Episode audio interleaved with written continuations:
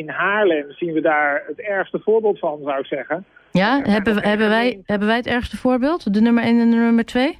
Nou ja, er zijn geen lijsten die, die mij zo ellendig voorkomen als die in Haarlem. Laten we even ook eerlijk zijn. Kijk, uh, het is niet zo dat Forum nog erg populair is. Dus die zullen niet heel veel zetels halen. En daar komt bij dat, in dat Haarlem natuurlijk ook niet echt een supergoeie stad is voor FVD, denk ik. Dus zij zullen niet veel meer dan één of twee zetels halen. En dat zijn dus precies de mensen die die plek wil hebben. Dus misschien zijn er wat naïvelingen die verderop op die lijst staan... die, nog wat, die, wat, die wat softer zijn. Maar die komen nooit in de raad. Je krijgt Moraya Hartman en misschien krijg je uh, Im Albiati. Nou ja, dat zijn precies de mensen die je niet wil.